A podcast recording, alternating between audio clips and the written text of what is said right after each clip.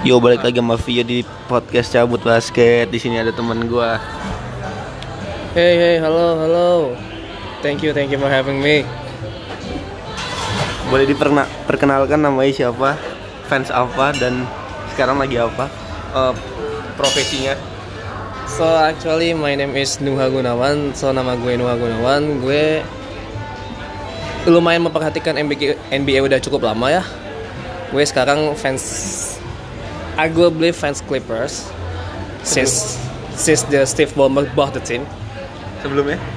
sebelumnya gue tuh lebih lebih milih untuk memperhatikan main main all NBA aja sih sebenarnya. Soalnya kan gue baru benar-benar ngikutin NBA itu sekitar lima tahun 6 tahun lalu lah. Tapi gue kalau kenal NBA sih udah cukup lama ya kalau kenal NBA itu gue kenal NBA dimulai dari Detroit Pistons juara tahun 2004 itu pertama kali gue kenal NBA until now Itu kayaknya gue baru umur berapa ya? baru berapa bulan gue. ah nggak tahu dua tahun berapa Jadi di sini kita akan ngebahas game gamenya eh, The Boardman goes back to the Toronto. Terus ya ya what it do baby Celtics Pacers sama lagi sama satu lagi game paling goblok Knicks Warriors tapi gue nggak tahu kenapa tuh game gue nonton gue gue pengen ngakak aja sumpah itu semuanya tolol-tolol semua mau dimulai dari mana karena gue adalah fans Clippers jadi ya kita mulai dari Clippers dulu aja Oke, kali dari, ya dari Clippers dulu ya Ah, oke. Jadi kita akan ngebahas dari katanya denger-denger gue baca di Authentic shout out tuh Bang Iril, Om Iril. eh katanya cincinnya Kawhi kekecilan. Pendapatnya gimana? Silakan sebagai fans Clippers. ini lucu sih sebenarnya. Kan kita tahu ya kan Kawhi tuh punya julukan namanya The Claw. The Claw itu berarti dari tangannya yang segede gaban itu yang tangannya gede banget itu itu kan dari juluk dari tangannya itu kan jadi julukannya. Ya sebenarnya just a funny thing aja ngeliat cincin championnya Raptors di tangan Kawhi itu kayak kecil banget di tangan Kawhi yang gede.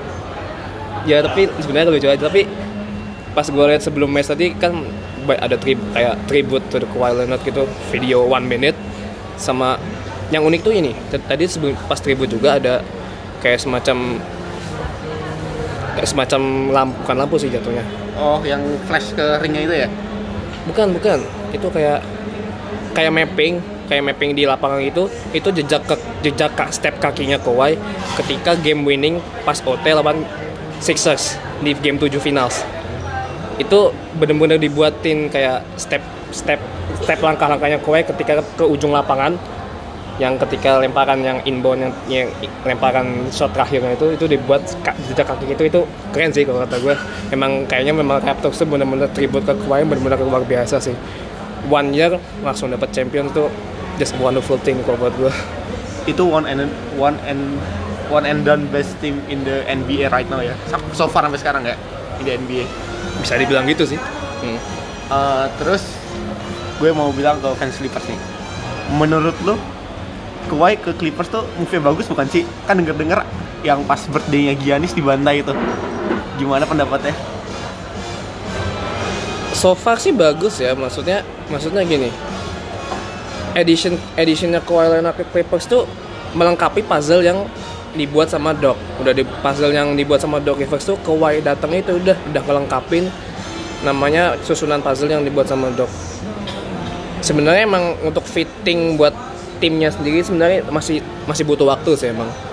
Maksudnya baru kita lihat kita lihat beberapa game sebelumnya itu juga Kawhi itu nggak banyak ambil tag point yang benar-benar tinggi masih sering diambil sama Lou Williams sama Montrezl tapi di sini malah jadi malah jadi keuntungannya dari Clippers itu sendiri. Jadi point getternya nggak cuma bergantung dengan Kawhi Leonard aja gitu. Masih ada Paul George masih ada Lou Williams masih ada Montrezl jadi secara langsung emang mungkin kalau membandingin statistik antara musim lalu sama musim ini kalau misalnya sampai game hari ini aja mungkin statsnya agak sedikit turun. Tetapi efektivitas timnya itu lebih lebih naik.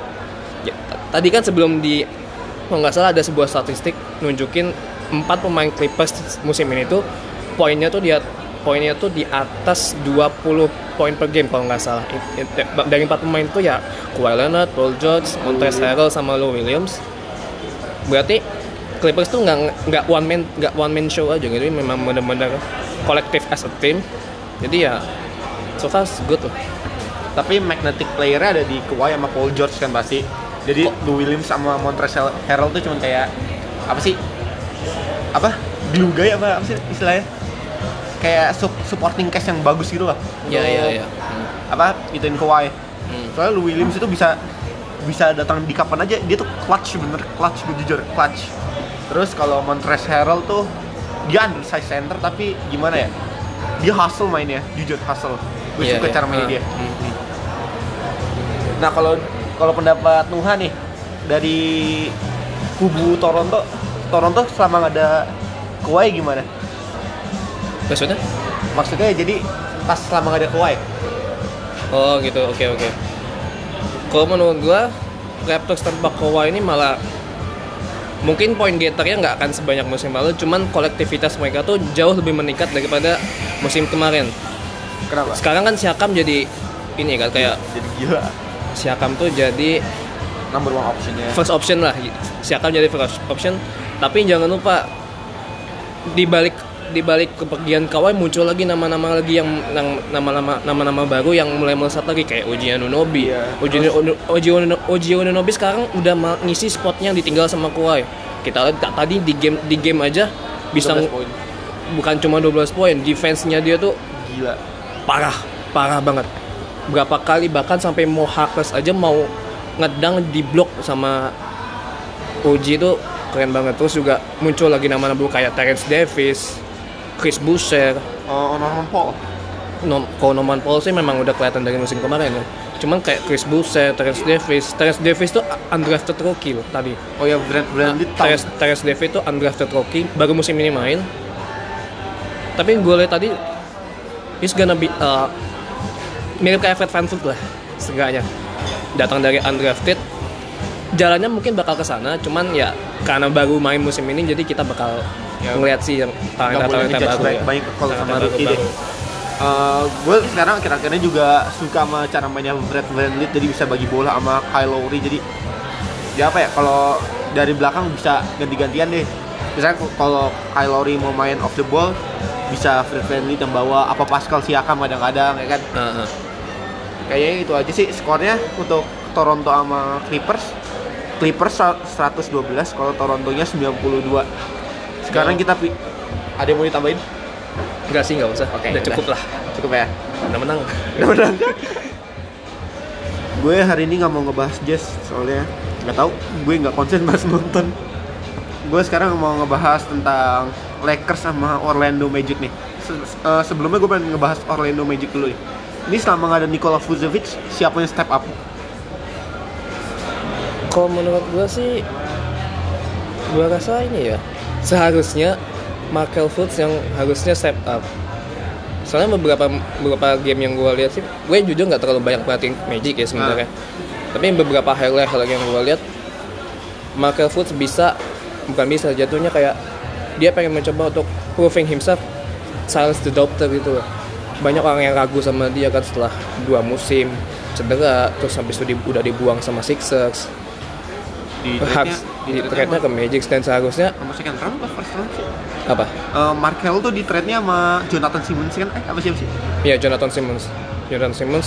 Dan se- ya seharusnya sih musim ini harus jadi musim pembuktiannya si Markel Fultz ya, tapi nggak tapi sih tapi memang sejauh ini oke sih. Secara, Oke, oke. secara statistik bisa untuk improve dari musim lalu secara main juga udah mulai kelihatan kayak bahunya tuh nggak kayak udah mulai nggak ganggu dia lagi jadi seharusnya dia bisa step up sih buat meninggalin spot yang Nikola Vucevic beberapa waktu lah gitu.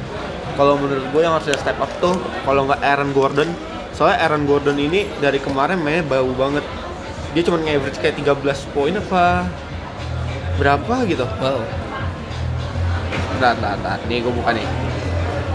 Musim sebelumnya dia musim sebelumnya Aaron Gordon nge-average 16 poin, Hmm. terus 0,7 blok, 5,7 rebound, Hmm. sama 3,7 3,7 assist. Nah, Hmm. kalau sekarang cuman 13,7 poin itu turun drastis banget loh padahal kan harusnya dia tuh masih anak muda ya masih umurnya masih 24 harusnya dia tuh bisa step up lagi terus step up lagi terus step up lagi soalnya ini ini dia baru dapat kontrak eh ya kan kontrak extensionnya tahun ini apa Nggak tahu gue. Max kontrak. Eh, max kontrak buat rookie-nya tuh baru di resign kalau nggak tahun lalu tahun ini eh, Oh. kayaknya sih tahun lalu soalnya dia eh, player apa sih tim option yang keempatnya nggak diituin setahu gue ya sorry kalau gue salah Hmm. tapi dia tuh beda banget sama sekarang dia cuman kayak apa ya defense yang males-males terus dia dijadiin trade rumor ah dijadiin trade block sama Orlando Magic buat didatengin didengar-dengar sih katanya mau datengin Kevin Love apa DeMar DeRozan jadi ya gitu deh. Gua akhir-akhir ini berharap sih si siapa? Aaron Gordon tuh yang step up. Tapi step up malah lucu si Evan Fournier. Dia jago Oh, iya. banget. Evan Fournier. Evan Fournier sama Terrence Ross. Dia jadi kayak apa sih yang ngebuat banyak poinnya tuh dari mereka semua. Soalnya mereka shooter. Dia mainnya mereka berdua mainnya offense. Jadi defense-nya dia tuh nggak ada apa-apa soalnya. Oke oke. jadi dia, dia bagus deh. Nah terus eh, sekarang kita pindah ke Lakers. Eh, ya LeBron James triple double Anthony Davisnya bentar gue lupa. LeBron Jamesnya 25 25 poin 11 rebound 10 assist sama 2 steal. Iya. nah terus kalau Anthony Davisnya double double 16 poin 12 rebound 6 assist 2 steal 2 block. 6 dari 20 ya jelek sih cuman ya untuk satu game sih ya siapa sih yang nggak pernah satu game kayak Michael Jordan bau gitu kan? Ya wajar gitu ya. Ya ya. Ya sebenarnya dari Lakers sama Lakers sama Orlando kayak cuma segitu doang. Paling ada nggak eh, Lakers yang step up siapa?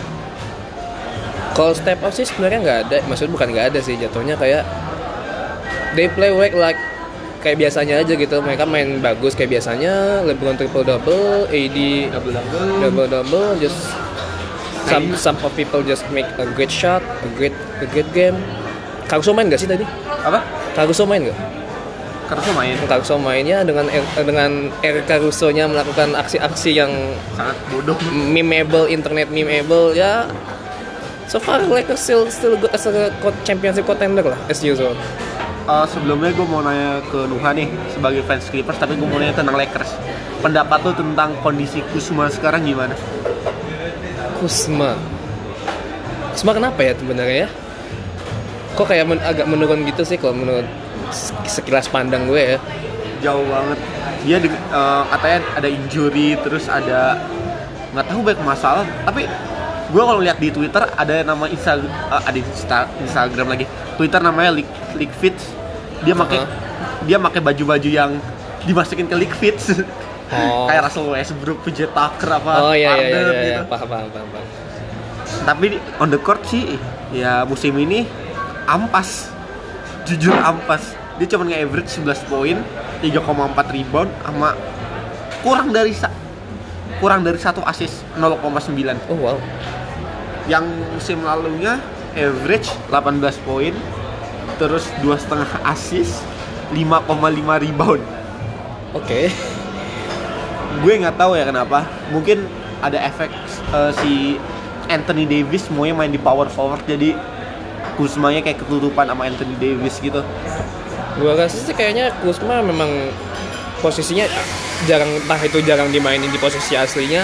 Secara gini, Lakers itu sebenarnya kalau misalnya mulai dari komposisi roster yang sekarang itu ada di beberapa posisi yang numpuk. Contohnya kayak power forward sama center. Sebenarnya itu agak posisinya agak numpuk. Anthony Davis main jadi power forward. Kusma pun bisa jadi power forward sama small forward. LeBron small forward. Di center sendiri sebenarnya ada tiga. Javal McGee, Dwight Howard sama DeMarcus Cousins. Oke lah, DeMarcus Cousins gak usah dihitung dulu. Ada dua. Sebenarnya dua-duanya bagus dua-duanya sebenarnya Oke. ya oke. above Cuman- league average Cuman karena ya. posisi yang terlalu numpuk dan isinya pemain notable uh, star player semua, jadi sebenarnya ini tergantung gimana. Aduh siapa sih nama pelatih yang? Oh ya Frank Vogel gimana gimana cara membagi menitnya aja sih sebenarnya. Kalau memang mau memakai duo LeBron Eddy ya nggak masalah juga. Yang penting selama the, the team still can get a win, why not? Oke oke oke. Sekarang kita mau lanjut ke game yang mana nih? Oke, apa? Celtics Pacers. Oh ya Celtics Pacers. The white dudes get play again. Rambut Guns Hayward main lagi. Wah gila sih. hebat. Itu orang ganteng sih jujur rambutnya ganteng banget. Siapa yang nggak siapa sih yang nggak pengen gitu loh. Lu kan pengen kan punya rambut kayak gitu? pengen diwarnain sih gue jadi kayak hebat. Main basket 40 menit kagak hilang-hilang. Tanggapannya gimana dia tuh? Gue nggak ngerti deh. Ya congratulations for Boston Celtics fans ya. Gordon Hayward akhirnya bisa main lagi setelah cedera Yang cedera apa sih? Gue lupa. eh, left apa sih? Left arm ya? Apa Bukan, jari? bukan. Tangannya kayak retak gitu apa gimana? Oh gitu, iya iya.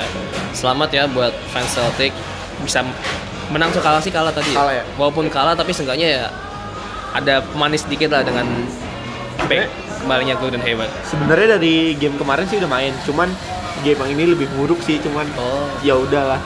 Eh, kalau di Boston Celtics-nya pemain yang gilanya eh, game ini ada Kemba Walker dengan 44 poin, Absolutely. 7 assist, 3 rebound, 2 steal. It- Absolutely. itu orang gimana? Silakan ditanggap. He's great. Gue bisa bilang Kemba is better than Kyrie in terms of Playing with the Celtics. in terms of ini gini. Kemba ya kalau mau bandingin dengan Kyrie ya jauh beda lah. Maksudnya dari segi kita bandingin dari segi personality aja. Ya. Kemba orangnya jauh lebih diem dan dia tuh lebih ti- tim dia tuh lebih team minded. Dia tuh main lebih memilih kolektivitas tim daripada sekedar main cuma cari gelar individu lah. Ya makanya terlihat so far, sampai hasil sampai, hari ini walaupun timnya kalah, tapi yang gue lihat chemistry di Celtics tuh masih fine fine aja gitu. Belum ada Belum ada masalah. Justru malah nggak terlalu banyak media attention yang bikin Celtics tuh mainnya dengan chemistry yang oke. Tuh. Ya ya. Nah. Kalau Kyrie kan ngomong, Ya. ngomong dikit, deh ngomong dikit, deh media langsung, dah, dah gitulah. Males gue ngomongin Kyrie juga. Ya sekarang aja lagi ngambek belum main lagi.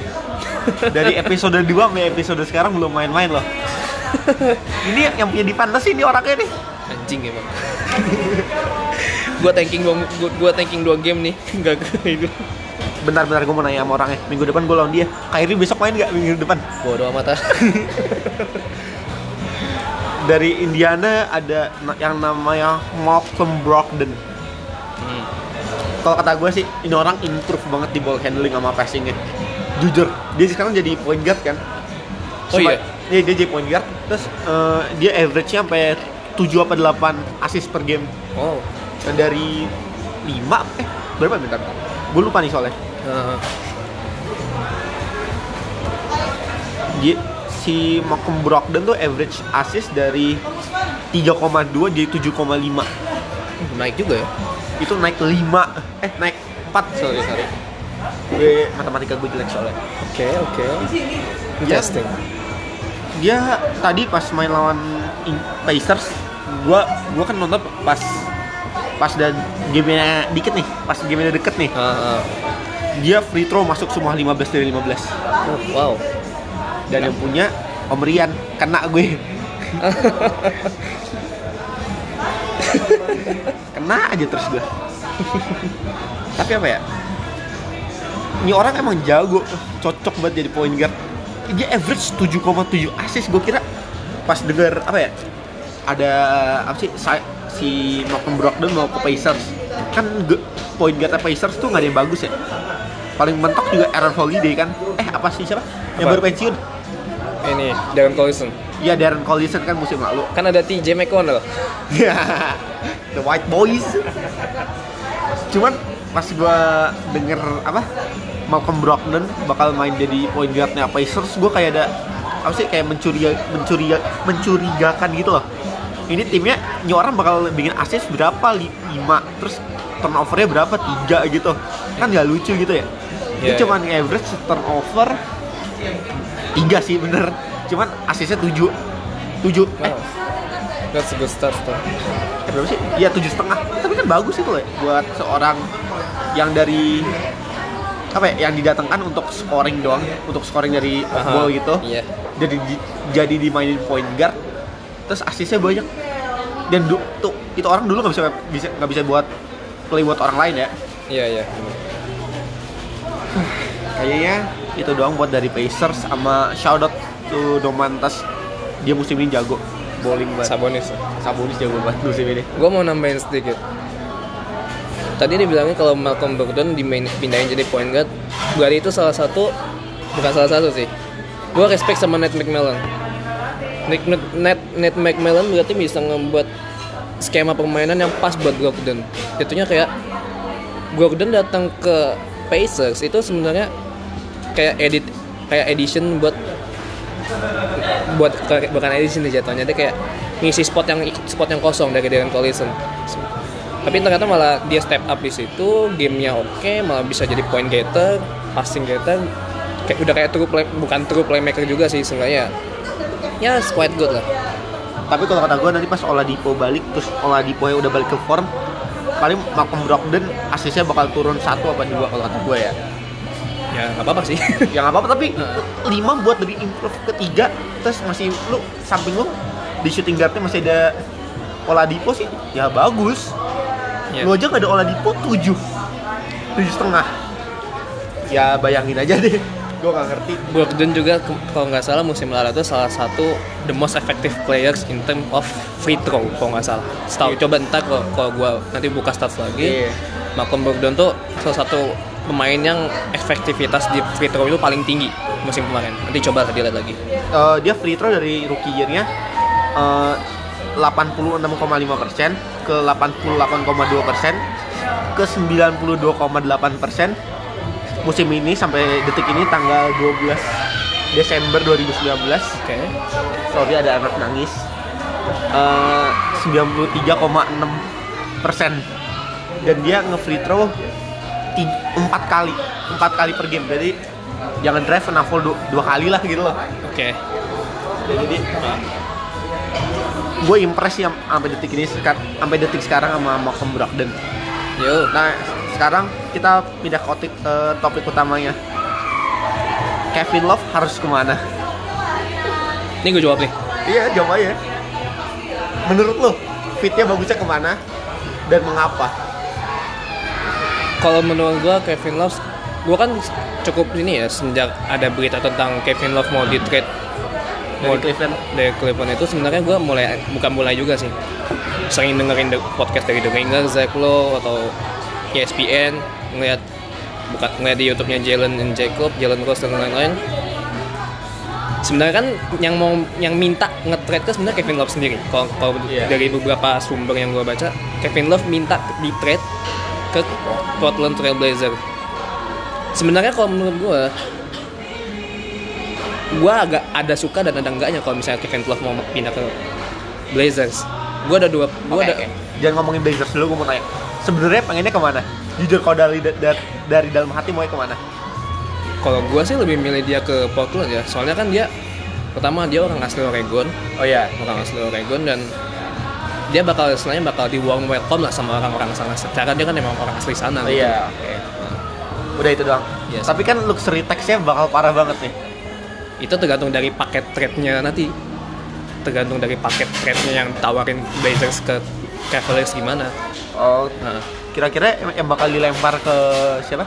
Ke Cleveland siapa? gue bakal milih Hasan Whiteside Oke. sama Zach Collins yang bakal jadiin paket trade-nya Kevin Love. Tambah berapa pick ya gitu ya? Enggak. Bener Straight, straight up gitu. straight straight down. Oh. Jadi paket yang kalau yang gua gua simpulin paket trade-nya nanti itu kalau misalnya jadi atau enggak ya. Kevin Love sama ya satu pemain lah siapa itu entah itu Darius Garland atau Ante Zizic atau siapa lah yang namanya nggak terlalu oke Sandy di. Cav. Ntar dilempar ke Cavaliers eh sorry ke Cleveland eh ke Blazers terus Blazers ngirim si Hasan Whiteside sama Zach Collins. Itu sih kalau menurut gua. Tapi kalau kalau kata gue kayaknya nggak bakal mau soalnya Zach Collins tuh cederanya lumayan lama 4 bulan apa berapa sih? Di situ deh berbulan-bulan pokoknya cedera Zach Collins. Nah, Eh, kalau dari gue sendiri gue pengennya Kevin Love tuh ke kalau nggak ke Timber balik ke Timberwolves ke Orlando Magic di swap sama Aaron Gordon aja. Soalnya Aaron Gordon tahun ini tuh harus kayak nge-proof gitu loh kalau dia bisa jadi superstar. Soalnya dari ta- dari tahun-tahun sebelumnya dia tuh dia tuh cuma jadi oh yang star biasa dah bukan kayak Jason Tatum apa Donovan Mitchell apa Trey Young apa Luka Doncic yang kayak ambil impactnya langsung gede gitu loh. Ah, ah. ya mu- mungkin nanti di future dia dia naiknya dikit-dikit gitu. Cuman dia tuh di itu ya kan buat kayak siapa ya? Zach, Z- eh, si Levin aja Zach Levin aja bisa kayak tiba-tiba step up pas pindah dari dari mana? Timber Timberwolves ke Bulls. Gue berharapnya kalau itu ke Orlando Magic aja sih soalnya. Apa sih? Biar biar Nikola Vucevic bisa main di, di dalam terus Kevin Love bisa main di luar jadi fitnya lebih enak gitu loh. Ah, Nah terus kan kalau Kevin Love eh, apa sih? Defensive liability kan. iya. Nah di sana kan juga ada pemain pemain tahun ketiganya mereka si Jonathan Jonathan I- Jonathan Isaac. Oh iya iya betul. itu kan tahun ini improve banget. Dia jadi bisa tuker-tukeran kalau mau kalau si Kevin Love mau jaga di tiga jadi si Isaac bisa jaga di empat. Hmm, soalnya kan si Love emang defensive liabi- liability. Hmm. kalau ke Timberwolves gue pengen gue pengennya apa ya? Ya buat bantu K Towns main di dalam sih. Soalnya kan K Towns akhir-akhir ini nembak-nembak di luar mulu kan. Ah, ya biar apa ya dalamnya rame aja. Kan K Towns juga bagus buat main di dalam. Cuman dulu dibilangnya soft soft soft. Ah. oke. Kalau menurut gue sih itu aja. Paling kalau dari mana? Kalau dari Timberwolves di, dikirim paketnya Gorgie Deng Gorgie Deng sama Josh Okogie apa siapa. Hmm, oke. Kalau dari apa Orlando Magic Aaron Gordon tambah Mobamba kali apa siapa? Apa salary fillers? Kayak Terrence Ross juga bagus. Hmm, oke. tapi gue kayak ngerasa nggak Kevin Love nggak bakal mau ke tim selain Oregon. Maksudnya kayak Portland. Gue nggak tahu kenapa feeling gue kayak gitu. Jadi soalnya gini Kevin Love itu kan dia minta trade itu karena dia pengen gabung ke tim yang punya chance untuk Juara. jadi champions atau istilahnya jadi playoff contender dan kalau misalnya kita lihat dari Timberwolves, Magic I don't see they have any chance to be a contender oh in the in the short time gitu ya? In a short time jadi kalau memang targetnya musim ini ya kok alasannya paling kok tempat yang paling benar sebenarnya Blazers. Walaupun sebenarnya Blazers sebenarnya lagi agak susah musim ini cuman Blazers is still can get to be a, at least 6, 7, 8 spot in the Western Conference kayaknya semua tim di Western Conference tuh udah kayak contender semua gitu gak sih? Nggak semua sih. Nggak semua. Warriors nggak ya? Maaf. Maverick sih enggak soalnya mentalnya Luka Doncic belum kayak Kobe. Iya dong. tapi gue milih kenapa ke Portland soalnya gue punya dua alasan. Pertama dua alasan yang gue suka kenapa kalau Kevin Love ke Portland. Pertama Kevin Love itu udah terbiasa main sebagai third option oke. Di Cleveland Kevin Love itu third option dari LeBron sama Kyrie. Nah, yang kedua? Yang kedua enggak gue belum selesai ngomong. Oh. Apa, third option dari LeBron sama Kyrie. Jadinya Kevin Love itu udah terbiasa main sebagai spot ketiga. Jatuhnya ketika mungkin kalau di Cleveland dulu ada LeBron sama Kyrie kalau misalnya dia main ke Portland first optionnya udah jelas Damian Lillard spot second optionnya si Jimmy McCollum nah Kevin Love bisa jadi third option dengan kemampuan dia main di luar kemampuan dia main di dalam walaupun memang nggak terlalu nggak sebagus kalau main di Timberwolves dulu tapi seenggaknya buat great addition lah kalau buat buat jadiin third option. Dan yang kedua Kevin Love udah punya udah pernah juara. Oh iya Kevin Love udah punya ju- udah pernah juara di Cleveland. Dan selama dia main di Cleveland nggak pernah dia nggak lolos playoff. Ya walaupun dengan addition ada LeBron at least dia udah bisa masuk playoff gitu pengalaman pengalaman dia main di playoff ya bisa menular menular ke Damian Lillard. Kan terus siapa yang bisa main bantuin yang Carmelo bantuin Portland. Tapi yang gua nggak suka juga ada yang pertama. Gua nggak kok ya ada pasti sama-sama defense liability-nya. Ya kita tahu lah Kevin Love di, di Cavaliers itu defense-nya nggak terlalu bagus. Kadang-kadang nggak oke. Terus juga yang kedua Kevin Love udah tua man. Udah tua sama gajinya tuh ter- untuk ukuran yang 31 main stretch four power forward center kegedean menurut gue. Kegedean. dengan 28 juta per, ta- per tahun. Malah 30 sekarang. tahun depan Oh, tahun depan. tahun depan baru naik 30 itu buat 4 tahun kan? Hah? Buat 4 tahun apa 3 tahun sih? buat 4 tahun 4 tahun kan? menurut gue itu bakal jadi agak sedikit kayak halangan buat kalau misalnya Portland mau trading ya soalnya kan tentu, tentu aja Damian baru aja max kontrak si baru aja max kontrak Hasan Whiteside baru di kontrak gede ya gue takutnya nanti bakal ada kayak miss di teksnya aja sih itu aja Oh gitu ya. Hmm. Eh, Sebenarnya sih Portland apa ya? Gue nggak suka fit di Portland tuh pasti defense-nya bakal hancur banget. Sekarang aja nggak ada Alvaro Aminu sama siapa? Yes, Main- Nurkic. Ya, bukan bukan Joseph Nurkic juga defense-nya B aja gitu loh. Dulu pemain tiga siapa sih? apa ya gue nggak apa deh Mo Harkless juga sih? Iya mau mau Iya, Harkless. Mo, Mo Harkless sama Alfred Almi Aminu tuh eh apa ya? Dia tuh jadi defensive guy-nya buat Portland gitu loh. Menurut Ah, gua, see, I see. menurut gua ya. Hmm. Soalnya Alfred Aminu tuh kayak empat dia kayak Jonathan Isaac lah. Jadi bisa ngejaga pemain-pemain kecil terus terus juga bisa ngejaga pemain-pemain yang gedenya kayak Draymond Green gitu lah. Cuman versi cukunya. Ah, ya oke oke. lu kayak misalnya mau beli iPhone 10 lu kalau Draymond Green tuh iPhone 10s kalau ini nih 10R isi istilahnya kalau kata gue gitu deh Eh, mungkin kalau buat Kevin Love itu aja sekarang mau bahas Knicks Ayo. mau enggak kalau hopeless jangan Enggak, gua tuh kayak gini loh. Knicks lu, lu tuh mau apa sih anjing? gua tuh kesel. Lu baru ngecat Da- David Fisdale. Lu tuh kayak Knicks tuh kayak merasa dirinya tuh sebagai kontender padahal tuh lu bukan kontender sama sekali gitu loh. Tim lu tuh nggak akan bisa jadi kontender playoff selama beberapa tahun ke depan. Tapi lu selalu ngerasa Knicks tuh sebagai wah gua main sebagai contender. tim tim kontender gue main di big market. Bangsat lu anjing. Gue tahu contender apa. itu sadar diri Knicks gitu loh. Maksudnya gini selama James Dolan masih di dalam tim masih sebagai owner sebagai owner Knicks gue rasa Knicks gak bakal ke mana-mana. Besok James Dolan timnya gue beli. Gue bayar pakai HP gue podcast gue gue jual nggak apa-apa. Ikhlas gue terus nanti gue nyuruh Mitchell Robinson yang start jadi shot- eh, starting centernya. Eh bukannya udah start ya? Apa? Si Mitchell Robinson. Start kan udah dari musim kemarin. Oh iya deh soalnya tadi gue pas nonton tiba-tiba Bobby Portis terus Julius Randle sama Markif Morris aing satu di satu lapangan gitu loh. Lu bayangin defense-nya gimana? Markif Morris kegedean buat main apa?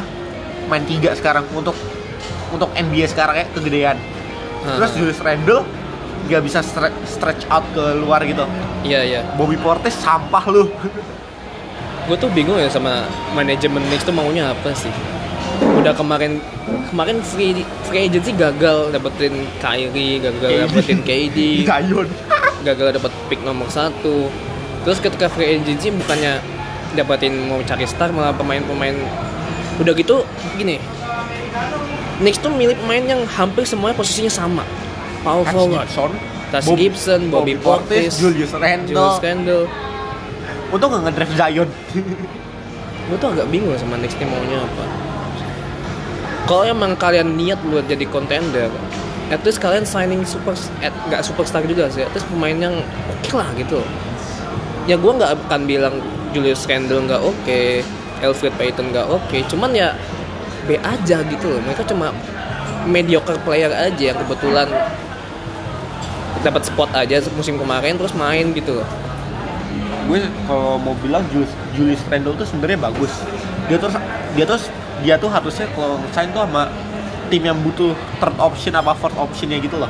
Buat Ah. ngisi slot power forward apa center, jadi Ah. backup center yang kecilnya gitu. nah, Kalau Touch Gibson bisa jadi backup power forward yang bagus kalau menurut gue. Dia kan sempat main di Minnesota kan. ya Itu masih lumayan lah gitu loh. Not not bad gitu. hmm.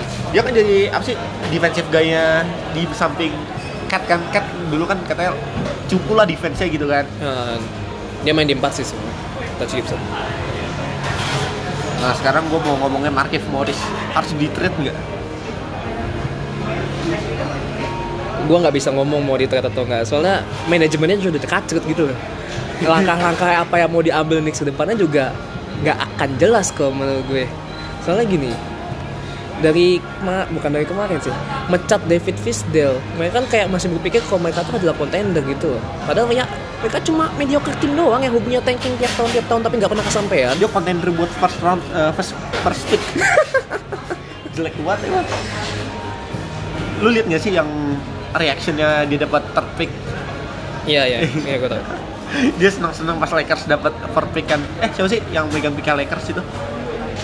Kusma Bukan bukan yang, yang megang fo- fourth pick kan Lakers. Ah. Terus di trade ke, Oh, ke- Atlanta ya? ke, ke Hawks ke Hawks Iya buat DeAndre Hunter. Hmm. Nah kan tapi itu pas masih dipegang Lakers dia kayak senang-senang gitu kan juga yes yes tiba-tiba terpick ya hopeless banget semua jadi lu berharap James Dolan jual timnya enggak tentunya itu bukan jadi harapan gue doang ya. Itu Harap- harapan seluruh fans Knicks di New York tentunya. Soalnya James Dolan. ya James Dolan udah nggak bisa diharapin lah buat Bangsat nge-manage tim tuh. Maksudnya ya gimana? Bayangin Knicks itu kok kalau menurut bukan menurut sih Knicks tuh level kalau bisa dibilang level level timnya itu hampir sama kayak Celtics, Lakers in terms of market market and legendary team. Knicks itu sebenarnya tim yang udah lama. Cuma nasibnya sial aja gitu. Juara baru dua kali dan dari pun tahun 70-an. Sebenarnya tahun 90-an kan Knicks kan ya Bagus. masuk kontender lah. Oke lah mainnya. oke lah kayak siapa Pa- ya? Ada Patrick Ewing, ada siapa segala macam. Semenjak mas semenjak dibeli Ja- James Dolan kayak beberapa keputusannya kayak blunder.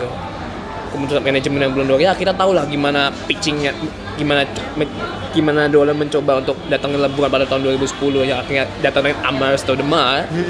yang cedera Aduh, Eh, kan Knicks habis nge ngepecat si David Fisdale kan? Ini agak melencong nih. Ya lu pengennya David Fisdale jadi coach lagi apa enggak? Apa jadi asisten coach? Terus semuanya ke mana? Oh tentu gue pengen dia jadi coach lagi. di mana? Di mana ya? Oh gue tahu Timberwolves. Cuman Flip Sound, siapa sih? Ryan Saunders tuh anak anaknya Flip Saunders yang Aha. almarhum Ya. itu lumayan jadi coach.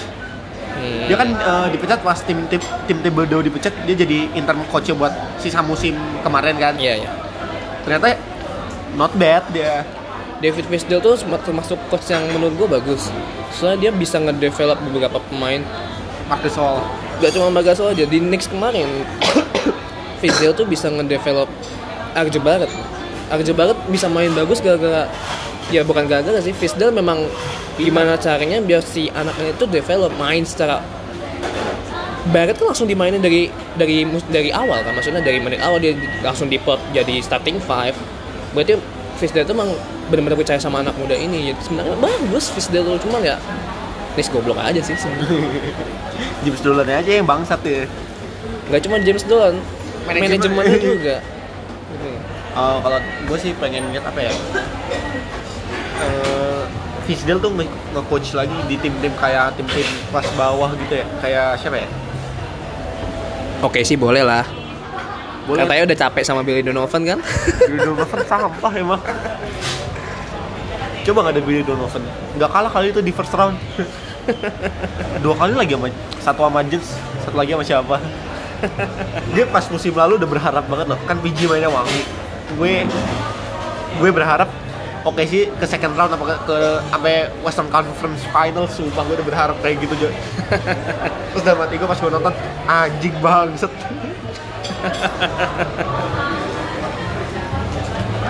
ya kayaknya sih coach coach yang bagus di market sekarang siapa? David Gimana? Fisdale. David oh, siapa aja yang lagi kosong Gak tau gue juga. Ah siapa ya? Harusnya David Fisdale tuh ke mana ya? Ke sini. Ke Ntar, ntar. Gue mau lihat nih. Oh, gue tahu David Fisdale tuh harusnya ke mana? Ke Chicago Bulls. oh Jim Boylan Jimboin sampah. sampah sampah. Gue benci sama tuh orang. Oke. sekali lagi sampah.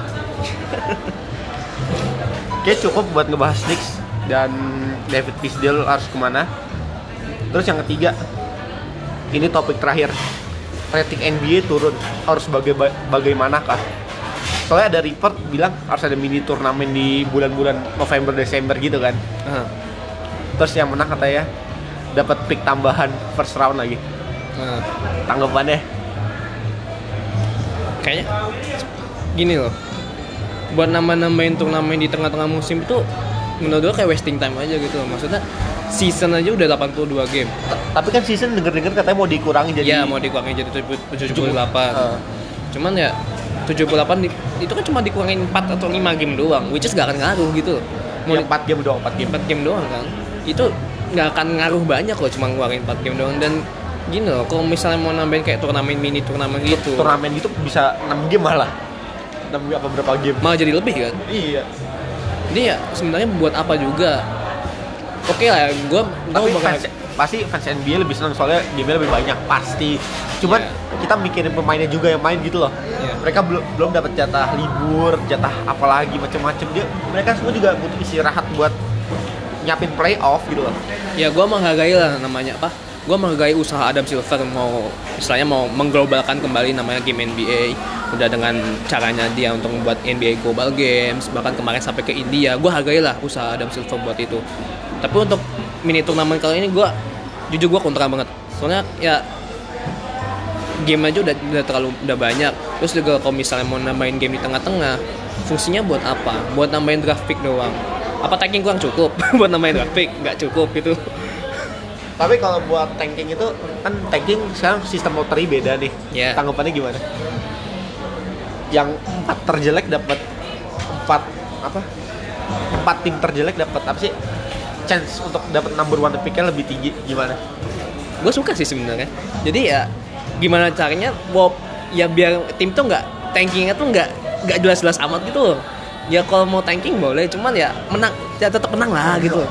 maksudnya kalau mau tanking ya tetap diusahain jangan sampai bener-bener tanking main asal main aja ya ada pemain-pemain yang coba istilahnya kayak gini di masa kalau misalnya kalian mau tanking kan jangan lupa coba develop pemain bisa Iya. ada pemain-pemain muda yang coba di develop Pelicans musim ini kan sebenarnya da- dari klasmen itu ya cuma 14 13 iya.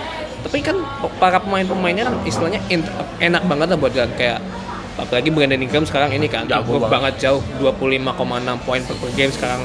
Bisa dibilang kayak Brandon Ingram bakal jadi salah satu kandidat MIP sih. Tapi di sisi, lain juga ada lihat kayak Jackson Hayes. Salah satu pemainnya oke lah. Nickel entertain Alexander lah. Walker. Nickel Alexander Walker pemain terus Josh muda Hart bagus. Pemain-pemain muda yang di Pelicans tuh ya entertain to watch aja bro tapi nggak bisa dibilang contender juga jadi ya gitu deh kalau misalnya mau bukan bukan tanking juga sih bahasa tapi tim itu having fun banget kalau kata gue. Dia- mereka tuh kayak walaupun di di apa sih posisinya di bawah-bawah gitu 14 13 tapi mereka kayak having fun gitu loh nggak Iya. pakai drama kayak Knicks Wa- Warriors iya sorry ya. gue setuju. Mere- mereka tuh kayak enjoy aja gitu lah di bawah santai. Ya enjoy having fun aja. Play basketball kan namanya pemain NBA kan memang mereka mau masuk NBA kan karena mereka mereka main hobi, main hobi main basket. Jadi ya mainnya lepas aja enjoy the game ya yang yang main misalnya sama jalanin hobi sambil dibayar lah gitu lah. Eh, ini yang kedua nih.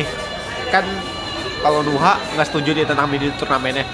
Kalau tentang format playoff yang baru gimana? Format playoff yang baru yang 16 tim terbaik. Oh gitu gue malah gini. Sebenarnya pari- parity antara Eastern Conference sama Western Conference kan sebenarnya udah terlalu jauh lah kalau misalnya kita lihat sekarang. Western Conference yang banyak tim-tim yang oke West yang Easternnya nggak semuanya oke. Gue malah suka dengan misalnya 16 kontender ini kayak NFL lah jatuhnya. NFL kan ya 16 dia 16 bener-bener yang terbaik aja gitu loh. Yang nggak semuanya dari semua conference langsung dikumpulin jadi satu. Jadi bener-bener the best team on the best In the match plan- gitu loh in ya. the plan, ya. the best team on the best match gitu. Cuman Jadi- eh, kalau NFL nya gue nggak ngikutin NFL ya. Kalau NFL tuh jeda per playoff game tuh ada berapa? Jeda per gamenya gue gak lupa sih sebenarnya. Enggak, NFL tuh best of apa? Best of 3, best of 5, best of 7 kalau NFL itu mereka Satu game doang? satu game. Oh, satu game doang? satu game. Jadi knockout system jatuhnya. Oh, knockout. Sekali game langsung langsung lolos. Sekali game langsung lolos. Oh, berarti kan Berarti kalau dari round ke satu ke round kedua ya ada jeda berapa hari itu kira-kira?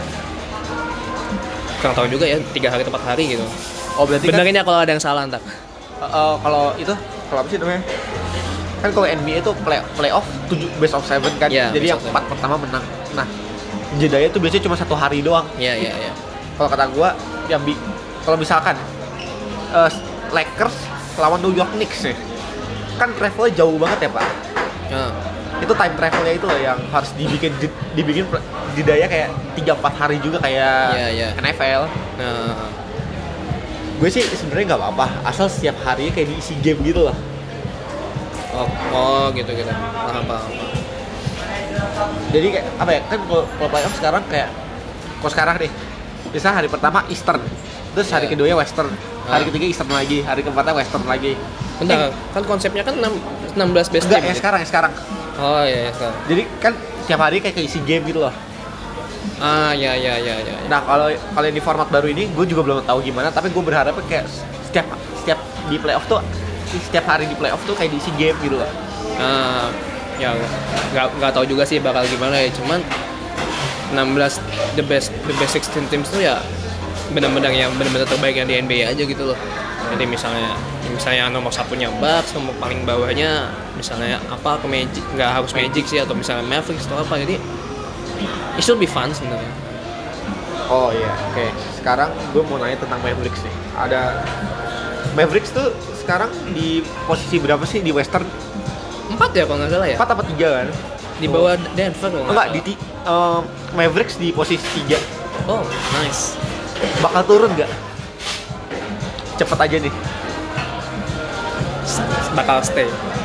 Stay? Stay di tiga. Hot takes nih. Oke oke. Kalau kata gue sih nggak bakal dia bak dia masuk playoff mungkin. Masih mungkin loh. Soalnya tapi ya Lu- Luka sih anjing ya. Luka emang anjing emang. Tapi jago banget sih itu anak. Tapi kalau kata gue sih eh, dia kan cuma kayak one man show gitu kan kayak Harden. Ah, ya kan? Bisa dibilang pasti dan dia masih sophomore jadi gue bilang bakal turun sih.